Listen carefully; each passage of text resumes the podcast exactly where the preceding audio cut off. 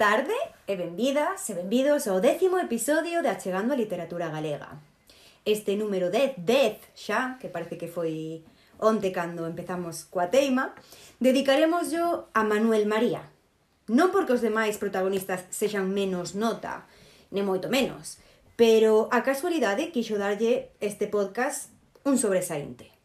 En que sobresae para ti, Manuel María? En que destaca o noso protagonista de hoxe? Ben, é complicado falar de Manuel María, mm, porque efectivamente como galego e como poeta e como persoa, pois merecía un 10, máis que un sobresaliente, incluso unha matrícula, non? Ben, eh, para comezar, mellor sería ben facer unha especie de semblanza persoal mm, porque vai ser feita por, por un amigo, por unha persoa que lle quixo ben a, a Manuel uh -huh. María, non? Eh, Manuel, como nos lle chamábamos, foi nos últimos anos da, da súa vida, eh, xa anticipamos que morreu no 2004, pois foi unha figura patriarcal, eh, moi querida no país.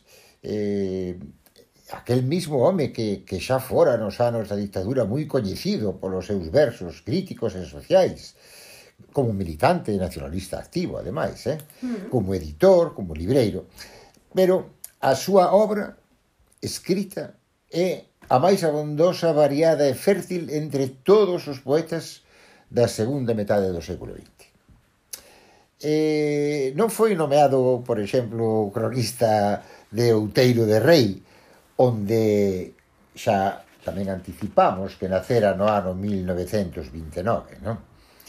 Eh, pero ele exerceu sempre como chaidego, e hoxe pois leva o seu nome unha fundación local, incluso o Museo Manuel María, que todo o mundo pode e debe visitar, está na súa casa natal en Outeiro de Rei. E, eu lembro que algúns dos seus amigos, como Darío Xoan Cabana ou Paco Martín, eh, decía moitas veces que a, ter, a terra chá é unha invención poética de Manuel, eh? e que ademais pretendía ampliar os extremos por riba do que aconsella a xeografía, porque pasaba de Abadín, e pasaba de Guitiriz, e pasábase por todos os sitios, a Temeira, non? Mm, el non escribeu unhas memorias, eh, onde poder lembrar pois, todas aquelas anécdotas vitais que nos contaba, porque tiña unha memoria prodixiosa, non? E coñecía, ademais, a medio país era capaz, capaz de recitar de cor versos e nomes de millares de coñecidos, e con aquel humorismo seu, non? Mm, e que constituiu tamén para, para Manuel un honor formar parte pois do listado de poetas neotrovadorescos, uh -huh. con nomes tan ilustres das nosas letras como Conqueiro, como Bouza Brei ou Avilés de Taramancos. E, e tamén encabezou con Celso Emilio a poesía social, popular e satírica que ten tanta tradición medieval, non? E foi moi innovador nos temas, como veremos, por, pola súa inmensa e numerosa obra poética. Eh, moi ben, por tanto, eh, Manuel, porque foi un poeta que non só foi poeta da, da terra chá, senón de Galiza enteira. Eh? Uh -huh. Era un poeta meritorio, porque mm, non se pode resumir ese arquétipo de diversificador rural, simplista e prosaico que nos quixeron facer crer, eh? no que va. El eh, mm, foi un poeta que evoluiu desde, por exemplo, unha poesía asistencial primeira, cando era un mociño, pasando pola protesta social realista, despois unha humanización moi paisaxística, eh, unha poesía infantil que tamén escribiu, amorosa, erótica, moi rica eh, en circunstancias locais. Neotrovadorista tamén, como dixemos, eh? para chegar finalmente a unha fonda lírica moi intimista, eh, incluso moi cultural dos últimos anos e dos últimos textos, eh, con un libro con libros de, de, de un formalismo impecable. Eh? Eh, só a ignorancia que a veces escoitamos Eh, sobre os seus valiosos textos eh, permite a frivolidade de, de xuicios de valor despectivos. Non se pode ser despectivo de ninguna forma con Manuel, porque eh, si é verdade que foi un poeta no que o material lingüístico con que construe os seus versos foi depurándose. Home, pois desde aquela fala rural chairega dos anos 50 eh, pois eh, pasando por eh, moi distintos estilos até unha perfección mm, lingüística culta eh, e incluso normativa ao final eh? Uh -huh. mm, eh, por tanto Manuel eh, é considerado eh, como unha honra para, para a terra que o deu eh? sí. é un orgullo eh, de unha patria eh, eh, asoballada que foi defendida coa, coa súa voz tan potente, non? E foi un exemplo eh, para, para as nosas letras. Eh, el, el decía que tiña eh, as barbas brancas, eh, eh, o mm. gris, ese, o bigote escuro, que lle facía contrapeso, decía el. Por lo que, por eso era algo cargado para diante. Eu diría que, el decía, non, tío, que eres eh, botado para diante, non? Eh, ben, mm, tiña unha presencia moi impresionante, porque era moi elegante, non? Uh eh, -huh. era, era unha beleza viril, e tiña unha elegancia moi clásica, eh, no vestir. Diso tamén tería algo de culpa Saleta, non?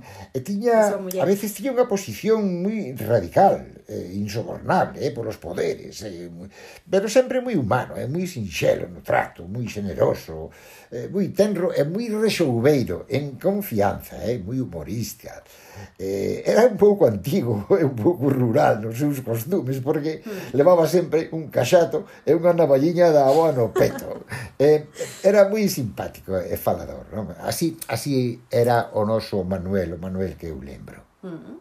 E imos entón até a súa querida Terrachá, non viaxaremos moi lonxe dende, dende a nosa comarca, Eh, para pasar a falar e eh, facer como sempre nos faz ese pequeno resumo eh, da súa vida e obra. Sí, eh, vai ser un pouco complicado facer un resumo de unha vida tan, tan complexa e eh, tal, pero bueno, antes disso como antes iniciei así algunhas anécdotas del que, que os amigos coñecíamos, non? Eh, tiña, tiña acenos moi seus, non? Decía, por tanto, portádevos mal que eu xa non poido. Eh, eh, chamaballe bifurcación á morte, non? E a televisión tiña a teima de chamarlle televexo e fumaba ducados a escondidas de saleta, eh, como se fora un pícaro argalleiro. E tamén eh, sempre nos facía gracia que el gostaba do viño da Rioja. El non, niso non era nacionalista, non tiraba polo Mencía nin polo Albariño, aínda que tampouco os desprezaba. Eh?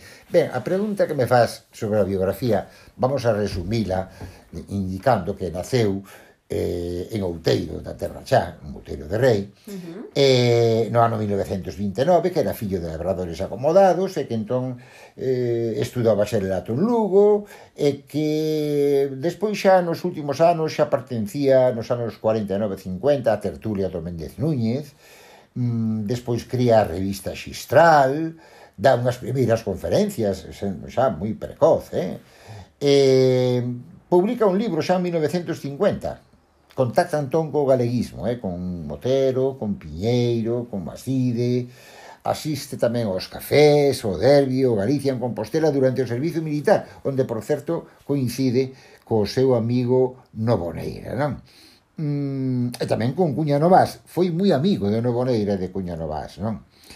Continúa todos eses anos publicando libros de poemas, en, no ano 58 trasladas a Monforte, exerce como procurador dos tribunais, uh -huh. casa con Saleta Goi, sí. que foi a compañeira inseparable e importantísima na súa vida, non? E despois ten unha grande actividade cultural nacionalista, na clandestinidade naqueles anos, claro, uh -huh. afiliase ao PG, e funda edicio Xistral, ten unha librería tamén ali en Monforte, é multado, é detido, eh, participa na vida política como concelleiro do BNG, eh, que entonces non se chamaba así, en Monforte, non? Eh, participa en moitas jornadas da, de ensino da Asociación Sociopedagóxica, en moitos congresos e recitais eh, finalmente despois a partir do 95 unha vez xubilado como procurador pois sigue axudando a Saleta na librería e nesa altura xa ten participado en máis de 700 actos públicos e incrementado a súa actividade cando se traslada a vivir na Coruña, que é na cidade, vivindo ali en Orillamar, na cidade que onde mora finalmente, que é unha cidade moi amada por ele, ten moitos amigos ali, non? Uh -huh eh, visita moitísimos centros de ensino, entre eles estivo, lembro eu, por exemplo, claro, nos institutos de Lugo, eh, no noso Instituto de Foz, eh, ese mesmo ano, pois tamén eh, no ano 98, mm, dá o seu nome á Casa de Cultura de Foz, nada menos, sí. non? Que tiña xa ele escrito no ano 65 un libro que era Versos en Louvanza de Foz, non?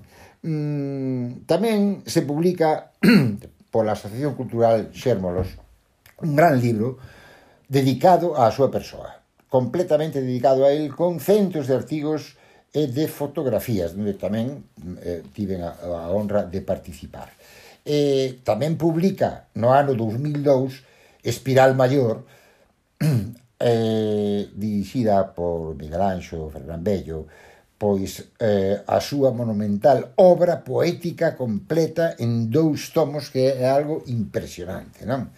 Mm, finalmente no 2003, casi no final da súa vida, entra como membro da Real Academia Galega, pero eh, el que sempre foi moi en contra da Real Academia Galega eh, leo o seu discurso en Vilalba.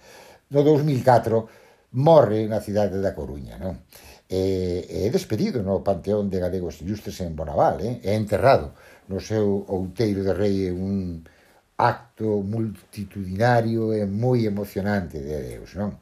Ben, mm, isto é un resumo moi breve eh, da súa vida. El, digamos que non pertenceu, eh, aínda que sí, ao principio parecía que nos anos 50 eh, pertencía aquela chamada escola da Tebra existencialista, el non tivo que ver nada con Brais Pinto, nin tivo que ver con outros outras xeracións de poetas, non? Digamos que anduvo por libre evolucionando.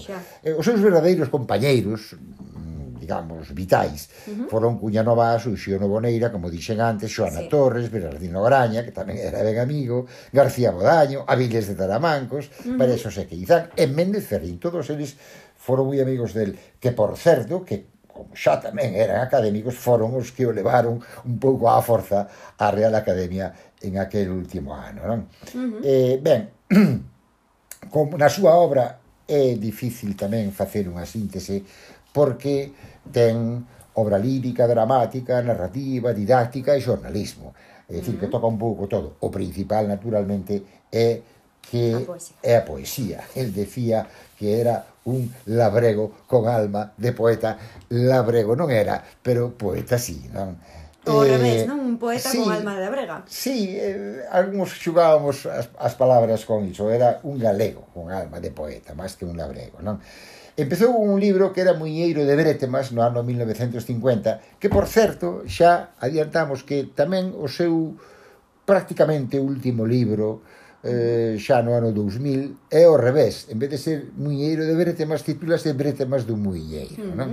Pero despois diso, é de un libro que tamén comentaremos que apareceu moitos anos máis tarde, en 2004, que se titulaba Elexías a miña vida pequeniña, eh, seguiu, seguiu publicando Morrendo a cada intre, Mar Maior, Advento, o famosísimo Terra Chá, que casi todo o mundo coñece. Deste cando decimos Terra Chá, eh, non, non podemos evitar o ler aquel primeiro poema eh, coñecidísimo e breve eh, onde dá unha visión romántica, escura e eh, bastante pesimista da súa Terra Chá, sí. que tanto amaba por outra parte, non? Que dice a Terra Chá somente sei un pobo aquí, outro acolá, mil arbres, Monterraso, un ceo chumbo e tráxico no que andan as aves a voar. O resto é soedá. Ben, aquí eh, nos discutimos moitas veces con el amicalmente de que se equivocaba, porque a Terrachá realmente non é así. A Terrachá é unha unha terra moi fértil mm. e con moitas árbores frondosas agora tamén con grandes plantacións e, e niso non hai máis que ir pola autovía para ver que aquelas xestas marelas verdes tan formosas e como está aquela chaira eh, tan húmida, sempre chea de vegetación, pois non se corresponde coa descripción que el facía poética da Terra Chá. Non? Eh, máis adiante, ese libro foi publicado moitas veces, a, outra última vez no ano 89, Ten libro de pregos, documentos persoais, versos florecidos en loubanza de Foz, prova documental, canción do Lusco e Fusco. Podemos seguir así enumerando unha cantidad de poemas, algúns de título ben curioso como Odes nun tempo de paz e de ledicia, que foi publicado en Portugal, en Porto, Aldraxe contra a xista, Informe para acender unha cerilla, Raio clamor por a montaña, que tamén foi publicado en Lisboa, e son libros mm, de denuncia, non? eh, cantos arrodados, palleados e colonizados, poemas para construir unha patria, e despois xa, máis adiante, dos deses anos 79, empeza a escribir outro tipo de poesía, entre eles versos do lume do vagalume, escolma de poetas de Euterio de Rei, a luz resucitada, do que despois leremos poemas que para min é un dos meus libros preferidos de Manuel, e tamén Cancioneiro de Orcellón, Sonetos ao Val de Quiroga, Cancioneiro de Monforte, Poemas para decir a Duas Lagoas, Primavera de Venus, Poemas a Compostela, Cantigas de Pantón... Ben, estou dicindo e ainda vamos aproximada, aproximadamente 50 títulos de libros de poesía, que iso é moito decir. E os últimos de todos eh, pois foron entre a Arxila e a Luz, e ese outro de Elexías, A miña vida pequeniña, un libro recuperado que el enviara a Cunqueiro que vea luz eh, se, non teño, eh, se non teño mm, entendido mal por un dos, dos teus mellores amigos, non? Pois sí, por un dos meus mellores amigos, e máis antigos amigos galeguistas que é Antonio Meilán, porque a través de Adicita Tella Villamarín, que yo entregou, eh, puxose en contacto, dixo Manuel, en, atopamos un libro inédito teu do ano uh -huh. 50, que se titula Elexías a miña vida pequeniña. Entón resulta que mm, foi reeditado, o Manuel puido velo xa nos últimos días da súa vida. Ah, sí. E mm, Antonio Beirán fixo un fermosísimo prólogo.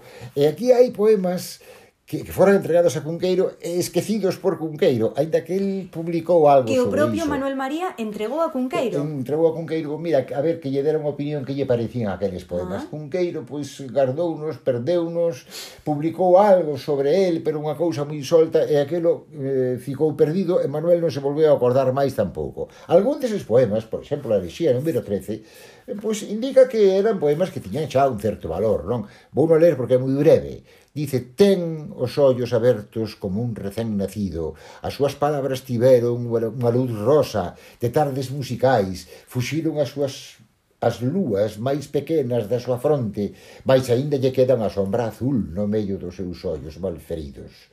Os seus antepasados falaron de noivados galantes, mas el falou dos cristais máis apagados.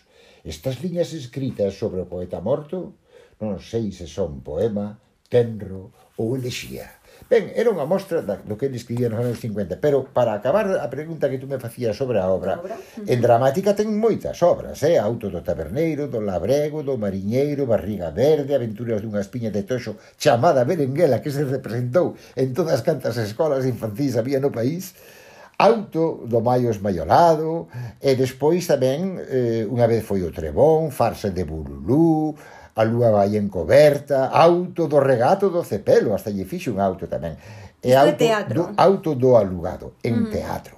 Pero en narrativa ten contos en cuarto crecente, as augas van caudales, os alugados, Cricoi, eh, Cupreso e Lirio, os ontes do silencio, novos contos para nenos, viaxes e, e vagancias de Manuel de Paderna e as ribeiras son escuras. Son libros bastante amplos de narrativa, eh? de didáctica, ten uh, unha publicación sobre a vida e a poesía de Xosé Crecente Vega, sobre Gabriela Aresti, eh, e tamén a presencia do mar na poesía galega, estudios vascos, eh, tamén participou no, con, con Congreso de Conqueiro, con Conqueiro como poeta, que nos acompañou a facer unha viaxe moi divertida, que fomos a ver a casa de Merlín en Río Torto, da que lembro moitas anécdotas, non? Eh, en xornalismo eh, publicou según o seu mellor, según o mellor coñecedor Manuel Mariano, eh, que é Camilo Gómez Torres indiscutiblemente, porque ademais fixo a tese sobre el, non? Uh -huh. E fixo moitas publicacións sobre Manuel. Manuel eh, Camilo indícanos que escribiu 1536 artigos, eh? Uh -huh. Eh, repartidos entre os jornais, sobre todo o Progreso, Ideal Gallego, Correo Gallego, despois o Correo Galego, a nosa terra, moitísimos, porque aí publica co heterónimo de Manuel Hortas Vilanova, a súa casa era a casa de Hortas. E incluso En oratoria, que tamén é un xénero literario, ten centos de conferencias, pregóns, recitais, moitos lineares, intervencións públicas, eh, eh tiña un certo magnetismo, non? Con aquela voz rouca de declamación mm. lenta, e que era moi convincente, que levaba tamén eh, moito valor humano aos ouvintes, non? Eh, moitas destas disertacións foron dadas en, en sobremesas, en tertulias, en visitas aos seus amigos, nos institutos, nos colexios. Eh, algunhas delas eh, non son aptas non son aptas para publicar pola súa retranca eh, irónica, eh? Mm, hmm. porque xa dixen antes que no disco duro da súa memoria prodigiosa que habían todos os nomes importantes do país, eh? dos que sabía vida e milagres, sendo tamén moi comprensivo cos defeitos humanos, pero ao mesmo tempo tamén algo crítico e satírico con eles, non? Ben, eh, como ves, é unha obra muy amplísima, moi extensa, que a xente que queira coñecer hoxe pode ver na súa obra completa publicada en Espiral Maior, porque é moi difícil, eu teño os casi todos, pero é moi difícil conseguir eses 50 libros de claro. poesía. Xa. Eh, gustaríame afondar, falachesnos un pouco das súas amizades, pero gustaríame mm, afondar nas súas influencias e concretamente a de Noriega Varela, que con Hermo parece marcar un antes e despois tanto en Manuel María como en Uxío Novoneira. E como decía Xulio Barcalcer no, no seu recente artigo da secuencia En Foco de Nos Diario, xornal, por certo, moi recomendado, do mellorciño que se pode ler actualmente, onde citaba textualmente palabras de Manuel María. A poesía de Noriega fixo agromar en min o fondo sentimento pola paisaxe e a identificación total co meu contorno. Esta descuberta levoume a unha identificación máis fonda co popular e a considerar os seres humanos como un elemento máis da natureza. Aquí despertase a súa alma rural da que xa falábamos, non? E de aquí saen os eidos de Novoneira e Terrachá de Manuel María? Evidentemente, nos eidos de Novoneira e en Terra xa de Manuel María hai unha influencia do poeta da montaña, do poeta rural, do poeta, eh, digamos, camponés que foi Noriega Varela. Eh, criticável a veces pola súa ideoloxía, por incluso pola súa biografía, pero mm, que foi un excelente poeta, un grandísimo versificador. Eh, esa interpretación da paisaxe, que fora feita tamén antes por outros, como Amado Carballo, dunha forma moi original, mm, influía neles. O único que eu observei sempre de diferencia é que eles descubriron algo que xa estaba na literatura medieval, que é que mencionaban os topónimos, decían os nomes dos lugares, que eran extraordinariamente poéticos. Mm -hmm. Eh, como a propia Terrachá ou como Caurel, pero con outros moitísimos nomes de lugares. Tamén o fai Noriega, pero non tanto. Noriega fala das cousas máis pequenas, máis humildes, de toda humilde, beleza, me enamora e todo aquelo, non? Pero evidentemente a influencia de Noriega foi moi notable. Seguramente tamén leran a Leiras Pulpeiro, por exemplo, porque o primeiro Leiras Pulpeiro, hai un Leiras Pulpeiro que tamén é paisaxístico e que influye moito en Noriega Varela, pero digamos que a influencia que eles recoñecían nos anos 50 sí. era a de Noriega, en conta que Noriega acababa de morrer, facía uh -huh. moi poucos anos, non? Sí, sí. E falemos agora do, do seu estilo e da súa linguaxe, unha linguaxe moi sinxela, non? Que parece que estás a escoitar máis que a ler, porque escreve como fala, e entendido por todos, o poeta popular. Sí, mmm, Efectivamente, eh, Manuel, eh, en unha gran parte da súa obra, eh, é un poeta do povo e escreve para o povo, en unha lingua que, que se entende perfeitamente, non? Mm, iso explica que algúns dos seus textos, estou pensando, por exemplo, no poema O Carro, eh, que se fixo famosísimo, eh, cantado por Suso Domonde, se non lembro mal, non canta racha ninguén, por eso meu carro canta, canta o seu eixo tamén, que a señardade me espanta. É dicir, sí, pode considerarse un pouco simplista, un pouco elemental a súa poesía, pero eh, el non quería ser un poema un poeta cultista, non un poeta que escribise solo para unha elite de intelectuais, quería que todo o mundo entendise o, o que escribía, e mesmo o consigue escribindo en un galego moi depurado, como fai en algúns libros, eh? como A Primavera de Venus, ou como, por exemplo, A Luz Resucitada dos seus últimos anos. É dicir, eu xa dixen antes que hai que estar en contra de clasificar a Manuel María como un poeta só, rural, elemental e popular, porque é moito máis que eso. Home, tivo tempo en 50 anos publicando poesía, desde os anos 50 até o 2004, e, en ir evoluindo e ir, digamos, tendo un pouco todos os registros coñecidos da, da, da poesía, non? Desde a neotrovadorista, a existencialista, a outra que tamén pois era un pouco máis cultista, non? Xa. Eh, eu tamén tiven a sorte de coñecelo en persoa, de, de ser testigo eh, varias veces en Vilalba, aquí en Alfoz, na Finca Galea, en Foz, eh, e de ser testigo do seu carácter cariñoso e amável. Eh, se tivera vivido ademais fai uns anos na, na miña casa actual, seríamos veciños de, de Orilla Mar. Mas ti coñécelo moi de primeira man. Contanos como era ese Manuel María máis íntimo eu coñecín a Manuel María ben. E considereime amigo del e el amigo meu, como outra moitísima xente, porque coñecía a medio mundo, non? Home, cando andaba por Lugo, por Outeiro, por Monforte, pois, claro, pois íamos a tomar os viños por, por, por as rúas dos viños de Lugo, non? Sempre que había... Sí, sempre que había, pois, un evento, un congreso, unha conferencia, unha palestra, ou que lle facíamos unha entrevista, pois despois íbamos a celebralo. Casi sempre nos acompañaba, pois, Noboneira, eh, que sempre se apuntaba a esas cousas, eh, Paco Martín, que tamén se apuntaba, non?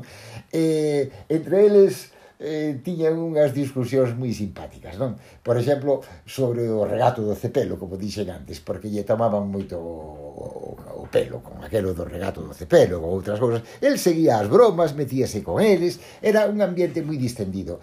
Efectivamente, Manuel eh, era eh, cariñoso, facíase querer, eh, a veces era moi ingenuo, non? Era, eh, mm, outras veces, pois, soltaba unha crítica que non viña a conto, pero todo o mundo yo perdonaba porque eh, era era un bon home, eh? Manuel era un bon home, hmm. eh, todo o mundo lle quería ben. Eh, entón, sí, efectivamente, tivemos a sorte de poder tratalo de primeira mão, pero tamén porque el se deixaba, é dicir, que el colaboraba, el viña sempre que o chamabas, era voluntario para todas esas cousas, é dicir, eh, foi un home popular. Aparte de eso, claro, mm, el, el nono podía disimular, era coñecido en todas partes, porque non había manifestación onde non estuvera, e eh, non había acto cultural ou congreso onde, onde estuvera. Bueno, porque o chamaban e consideraban que era necesaria a súa aportación. Sí, sí. Que, aparte diso, era moi rica, porque había veces que tanto nos seus artigos de xornal como nas súas conversas se metía en profundidades ben fondas, eh? eh, decir que non era aquela cousa tan simple que podía parecer a primeira vista. E finalicemos, como sempre, cuns textos seleccionados eh, que non sei que nos tes preparado neste capítulo número 10, como decíamos ao principio, e que é especialmente importante pois, por pechar esta tempada do, do, do noso podcast, que non sei se nos renovará a productora, unha temporada máis, pero sen dúbida eh, foi un placer facer esta primeira toma contigo, papá. E moitas grazas por explicarme, por explicarnos unha vez máis todos estos autores que fixeron que Galicia durase mil primaveras máis e por contagiarnos a túa paixón polas nosas letras e por facer eh, ou intentar eh, facer que, que estas palabras sexan eh, máis, máis lidas. Ben, pois eu tamén agradezo moito poder eh, falar a quen lle interese sobre este tema da literatura, dos autores galegos. Evidentemente eu fun escollendo algúns polos que tiña algunha preferencia, e ben se notou, non? E, evidentemente, Manuel é un deles, como tamén o podía ser Avilés de Zaramancos e, e outros autores que ficaron por comentar, non? Mm, eu de Manuel eh, quería tamén ser testemunha da súa valentía e da súa ética, eh, porque eh, eu mesmo teño que agradecerlle que, que me concedesen o, o premio Ángel Fole de ensayo eh, pois eh, pola súa defensa ante outras que eran sectarios e que non querían conceder ese premio que el consideraba que era xusto e que lles chegou a dicer que ou se daba ese libro que era o merecente ou que el dimitía e denunciaba públicamente por qué. É dicir, eh, Manuel, digamos que en ese sentido tamén eh, era un home eh, valente, eh? Mm, non só do home vamos a falar, non? Eh, non se pode esquecer a súa xenerosidade con profesores de galego, os vídeos, as entrevistas que se deixaba facer con tanta resignación e tanta, e tanta boa vontade, non? Eh, tamén a súa desinteresadísima asistencia a todas cantas aulas e eventos culturais eh, donde fose solicitado, non? E a, a súa presenza tamén en denuncias, en oposicións, en manifestacións, en actos da patria, eh, que en iso tamén participou. Pero como agora nos toca ler algún poema, eh, eu vou a escoller eh, pues, o meu preferido dentro desas 50 obras que el ten, que é o titulado A luz resucitada, donde el, hai que recoñecer tamén que non era así como escribía habitualmente, era aquel outro galego popular, coñecido fácil de todos, non? eh, aquí foi un pouco axudado a escribir moi correctamente en galego reintegrado, non? Eh, pero mm, el mm, hai versos en este poema como, por exemplo, con palabras muchas e acedas que tentan florecer nos seus poemas, non? En os poemas, moitos deles dedicados a, a Saleta. Despois, eh, ainda que ele confesa que apenas son semente dunha voz, versifica como xa fixera antes, sobre animais do noso campo, non sobre o boi, sobre o can, o gato, o galo, o raposo, ou tamén o lobo, agora a veces tan denostado. Ou eh, sobre os páxaros preferidos, eh? entre eles unha que el chama la brandeira, que lle facía a min moita graza iso, por seguir a la bandeira o arado eh, ou sobre moitas árbores como o cedro da Casa de Hortas ou e outros lugares como Castro de Rei, aquel pequeno regato do Cepelo que hoxe ten un rimbombante letreiro na beira da autovía en honor a Manuel María. E, tamén escribe sobre obxectos sobre como sobre unha navalliña da súa aboa que el sempre garda, eh, unha faísca do humano calor das miñas maus, non? Eh, fala moitas veces da flor maravillosa da amizade que nos abre, enche, engrandece o corazón. E, e de Flores vai o seu magnífico poema Rosas, que a él tanto lle gustaba recitar. Eh, ese poema de Rosas dice sempre a rosa, sempre a forma, a cor, o recendo, a luz, a perfeición da rosa. Prefiro a rosa vermella e amo a rosa branca, porque cando lle digo simplesmente rosa, entrecerra os ollos, treme e ruborece.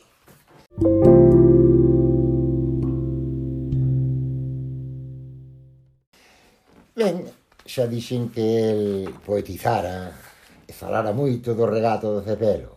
O pequeno e humilde regato do cepelo que nace e morre na miña propia tribo.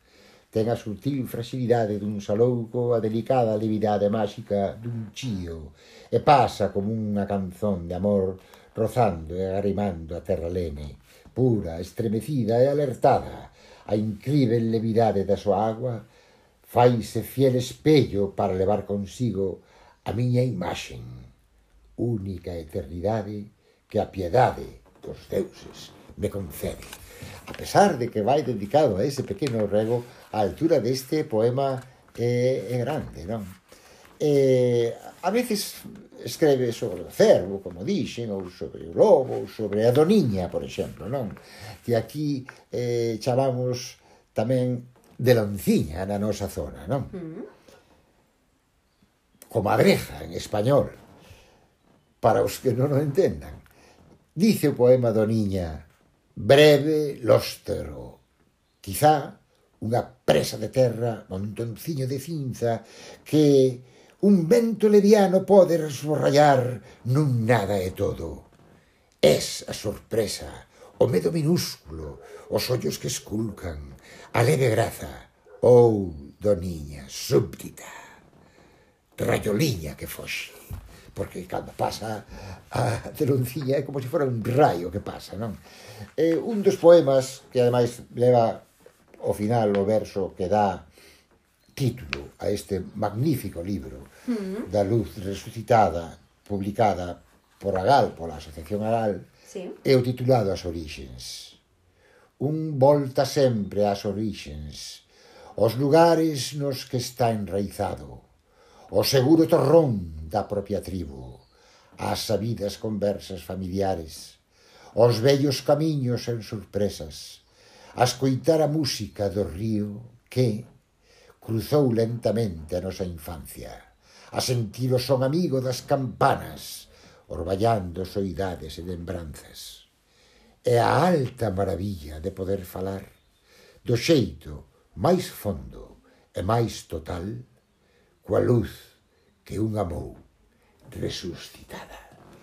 Ben, eh, son poemas máis breves, a veces eh, acusábase a Manuel de que escribía longuísimos poemas con moitas palabras, pero tamén hai que recoñecer que conseguiu sintetizar en moi poucos versos ideas poéticas formosísimas.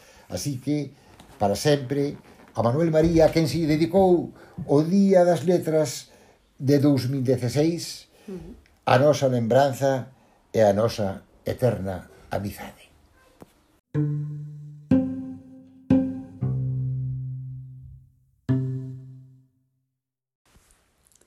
E até aquí o décimo episodio e a primeira tempada de Achegando a Literatura Galega. Haberá mm, máis podcast, haberá segunda tempada. Que che parece? Sí, pode haber segunda tempada, podemos facer podcast de todo o que teña paciencia a xente de escritar sobre a reproducción das formigas, da procesionaria do vino, a pesca con rede sinovial de profundidade salmóns nórdicos, calquer cousa. Outros outras tempadas, pois ao mellor de, de libros que nos gustaron, de autores actuais, incluso podemos recitar as nosas propias eh, obras que se nos vayan ocurrindo. Sí, sí, sí, bueno, sobre literatura, claro que se pode falar, pois non só de literatura galega, de, de todo o que tiñamos lido por aí de literatura universal. Eh, eu agora mesmo estou nunha etapa que estive lendo bastante literatura española, que agora uh -huh. xa non tiño a obriga das aulas, non? Claro. Eh, si, sí, podemos facer sobre calquer cousa eh, pois que nos pareza oportuna e insoportable. Pois sexa como sexa, haxa ou non haxa outros podcasts, outras tempadas, O que sí é que temos que poñer fin xa a este, esta primeira tempada de Achegando a Literatura Galega con eh, Manuel María que escollimos neste décimo episodio. Moi ben, pois que, que desculpe o coloquiaísmo e a forma moi sinxela de falar que tivemos sobre todos estes autores. Entre os millóns de potenciais ouvintes destes podcastes, eh, claro que os pode haber, porque son 250 millóns de falantes de galego portugués no mundo, aínda que despois só, só sexan 100. Sí. Bueno, pois a, eu a todos esos ouvintes, atentos, quería agradecerlles a súa atención e decirlles até, até a próxima. Até a próxima, pois. Thank you.